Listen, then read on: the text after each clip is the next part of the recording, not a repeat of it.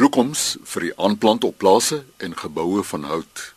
Die twee kundiges wat vanoggend hieroor gesels is professor Ben de Tooy en dokter Brand Wessels beide van die departement bos en houtkunde aan die Universiteit van Stellenbosch. Prof Ben, waarom bloekoms? Chris, ek dink ons kan so na drie hoofpunte kyk. Die die eerste ding is as jy reeds bome op jou plaas het, ehm um, veral as dit staan in 'n terreinposisie waar dit nie naby 'n waterstroom of so iets is nie, maar op 'n droëland posisie, kan jy regtig maar daai bome net behou en bestuur.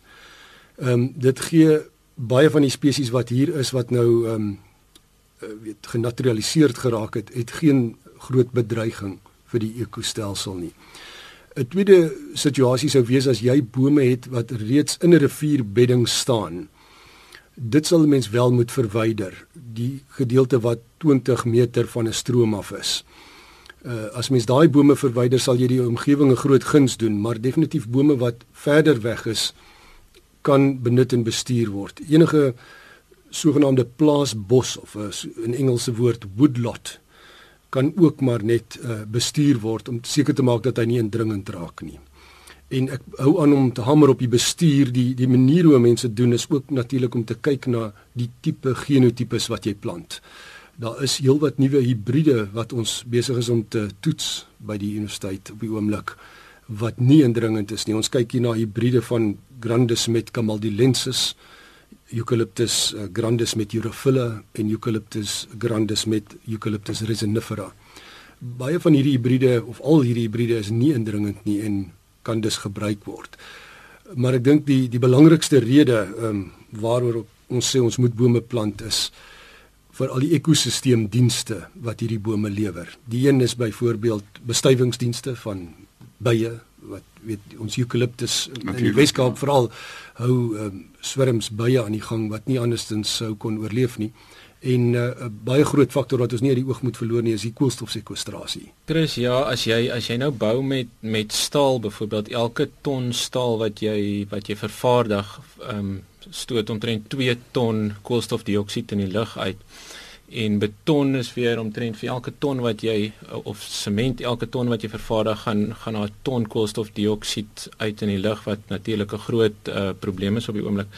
So hout is weer net die teenoorgestelde. Elke ton um, hout wat jy produseer of wat die boom produseer word daar omtrent 'n ton koolstofdioksied. Dis nou baie rowwe getalle, maar 'n ton koolstofdioksied uit die lug uitgehaal. So wanneer jy 'n boom het of selfs 'n struktuur van hout, is dit koolstofdioksied wat direk daar staan en wat jy vashou wat jy uit die atmosfeer uitgehaal het. Bome en houtstrukture is is uiters belangrik vir die toekoms en uh, ja, ek's baie passievol daaroor dat ons uh, stede en ons dorpe van die toekoms gaan nie uh, dit sal nie volhoubaar wees om aan te gaan net met uh, staal en beton nie. Hoe kan 'n boer dit verpraktiseer wat jy sopas gesê het? Jy sê nou maar jy wil 'n struktuur opsit. Elke keer waar jy keuse neem en daar's maar drie materiale wat die wêreld oor by verre die meeste gebruik word en dit is uh, staal, beton en hout is die drie grootste materiale. Die ander is orde groot is minder soos plastiek en aluminium en die. Maar elke keer wat jy 'n keuse neem en jy jy gebruik hout, dan um, haal jy effektief effektief dieselfde gewig koolstofdioksied uit die lug en behalwe dit vervang jy 'n ander materiaal wat koolstofdioksied in die lug sou geplaas het. Uh, so as jy enige strukture uh, bou, 'n boer eintlik enigiemand anderste, um, moet hout jou eerste keuse wees. Sommige lande maak dit um, reeds 'n uh, wetgewing. In Kanada is daar byvoorbeeld, hulle noem dit 'n uh, wood first policy. So ek dink die staatsgeboue wat daar moet jy moet eers oorweeg of dit met hout gebou kan word voordat jy mag um, ander materiale uh, oorweeg. Maar dit is maar wanneer daar keuses geneem word om eerder te gaan vir die volhoubare materiaal wat hout is teenoor die ander um, 2. Is hout wat in 'n struktuurvorm op 'n plaas opgerig word veilig teen byvoorbeeld veldbrande enige weerlig wat dit mag tref? Ja, dis 'n interessant baie interessante vraag. Hout, ehm um, wanneer jy groot stukke hout het, sê nou maar soos 'n paal. Um, of 'n of 'n balk wat baie groot is, is dit eintlik veiliger as staal en die rede is maar net um, die die veiligheid in 'n brand van 'n struktuur word gemeet in hoeveel minute jou toelaat om uit die struktuur uit te kom. So dis nie dat hy gaan brand of nie gaan brand nie, maar hoe lank gaan daai struktuur staande bly. Nou staal byvoorbeeld as jy 'n staalbalk gebruik, um, sal binne as die, as die temperatuur 'n sekere punt bereik dan faal hy en dit kan baie vinnig gebeur. Terwyl hout brand teen 'n konstante temperatuur en jy kan baie goed um, eintlik uh, beplan hoe lank daai gebou gaan staande bly. So dik balke, pale en so aan is veiliger as as as meeste ander materiale in brand.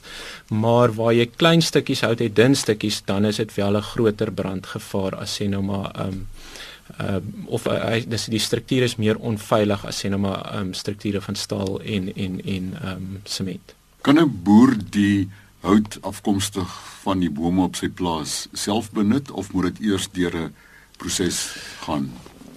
Ja nee, hy kan baie beslis self uh, benut. Daar's deesdae ehm um, jy kan baie klein saagmeeltjies of daar's kontrakteurs wat dit vir jou doen. Die spesies waarvan Ben ook praat wat boere kan gebruik, ehm um, kan eintlik baie hoë waarde hout um, verskaf. Uh, ons het nou onlangs 'n hele paar toetse um, op verskillende hibride en eucalyptus spesies gedoen en die die die eienskappe van die hout uh, kan kompeteer met van jou duurste hardhoute soos belau. Hulle is sommige van die spesies is baie baie duursaam, so as jy net dink iets soos dekplanke wat 'n baie 'n duur 'n uh, produk is, kan van hierdie hout gemaak word. So as 'n boer sou of hy het genoeg bome beskikbaar en en hy wil dit self verwerk en verkoop, is daar eintlik baie hoë waarde ehm um, gebruiker daarvoor. Ook 'n pale is ook natuurlik een wat 'n bietjie meer laer waarde is, maar makliker produk. As ek nou reg aflei dat as ek dan 'n boom afkap moet ek in dieselfde proses weer 'n boom plant. Ja, ons moet so daarna kyk dat ons populasie groei nog steeds.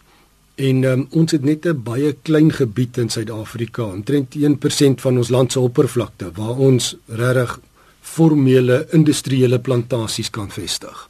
So daai hout gaan nie in die toekoms genoeg wees nie. Ons is al reeds op 'n punt waar ons dit nog net net omtrent gelykbreek met die aantal hout en houtprodukte wat ons nodig het en die hoeveelheid wat ons self produseer. Ons het al klare klein hoeveelheid hout wat ons moet invoer op op die huidige stadium.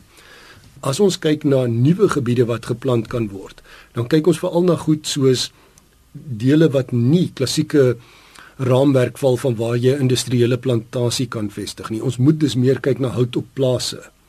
En dit is hier waar jy um, eintlik nie net kan vervang wat jy afkap nie, maar daar is ook geleentheid om meer bome te plant.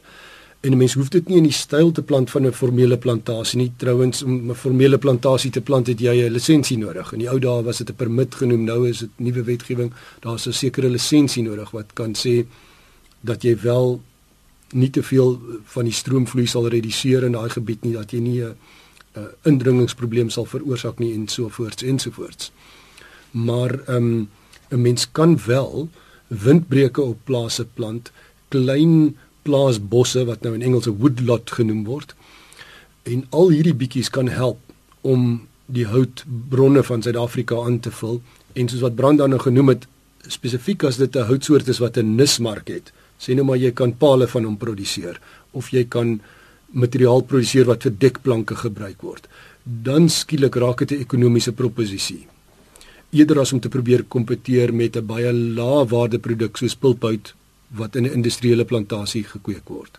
En die benutting van daardie boom deur byvoorbeeld diere, ehm, blare um, en so meer. Ja, daar sal ons nou moet kyk in die geval van iets soos eukaliptus wat ons nou hier sit en bespreek het, is die grootste benutting wat 'n mens kan kry natuurlik deur die heuningbye wat dan nou jy kan korwe onderhou met die eukaliptus daar, maar as 'n mens sou wou kyk na iets wat deur diere gevreet kan word, sal 'n mens kyk na ander spesies as jy bome op plase plant en daar is legio moontlikhede. Kom ons dink aan iets soos die die karop wat uh, wat se pele eetbaar is. Jy weet 'n mens kan ook kyk na ander produkte wat benut kan word. Byvoorbeeld uh, die olienout se sade kan olie van hoor herwin word. Dit is eintlik nogal gesog oor see. Hoe gaan dit op die oomblik hier in die departement bos en houtkunde? Ons soek meer studente. Ons het die die kursusse wat ons uh, ons het twee graad kursusse. Die eerste een is uh, in in boskunde wat meer te doen het met die ekologiese deel hoe om 'n bos te bestuur en ehm um, ehm um, alles wat te doen het met die bosbou deel. Dan die tweede deel is houtprodukte en dit is hoe om die ehm um, hoe om die hout te verwerk na 'n produk toe. Dis meer 'n ingenieursgebaseerde graad. Ons inname is omtrent op die oomblik so tussen 20 en 30 studente per jaar. Ons sal dit graag hoor wil hê. Ons studente is is is baie gesog. Ek dink in die laaste 10 jaar het ons studente altyd werk gekry. Die finalejaars wat klaar gestudeer het, meeste van hulle ehm um, kry beurse. Ek dink op die oomblik is meer as 60% van die van die van die studente studeer met met beurse. Daar is elke klein kettingkie in die waardeketting het sy eie stel navorsing wat gedoen moet word. Daar's ook navorsing op volhoubaarheid. Hoeveel nutriënte gebruik ons uit die grond uit? Hoe volhoubaar is bome in die landskap? Hoe ontgin jy jou bos? Jy weet daar's 'n hele veld wat gaan rondom modellering van die groei tempo van die bos. 'n hele veld wat gaan om afstandswaarneming. Hoe kan ons bosse met satelliete van die lug af dophou en kyk wat is die gesondheid van ons bosse?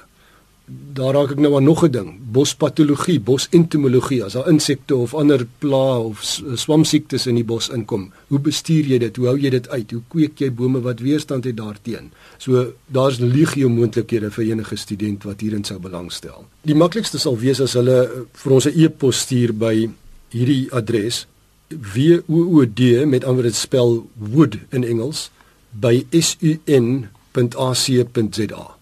wood@sun.ac.za van die plaas na die stad of die dorp moet ek as dorpenaar of stedeling 'n boom op my werf plant ja of nee?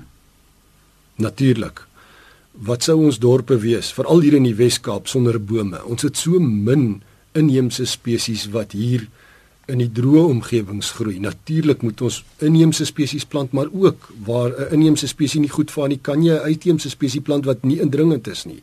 So natuurlik moet ons in die stedelike omgewing baie bome plant. Nie net vir vraai dit ons omgewing nie, maar dit gee vir ons ook allerlei produkte wat ons kan benut. Ja, ek wil net bykom en behalwe dat jy die boom plant, gebruik hout. Dis 'n net soos die boom wat daar staan 'n hoop koolstofdioksied is, is die houtproduk wat jy het 'n koolstofdioksied wat vas is wat uit die atmosfeer is. So jou keuses met produkte in jou lewe is omtrent altyd beter om 'n houtproduk te gebruik as 'n artifisiële een. Raad van professor Bende Tooi en Dr Brand Wessels albei van die departement Bos en Houtkunde in die fakulteit Agriwetenskappe aan die Universiteit van Stellenbosch. Navraag kan gerig word aan die e-posadres hoed w o o d by sun.ac.za wood by sun.ac.za geniet elke boom op die werf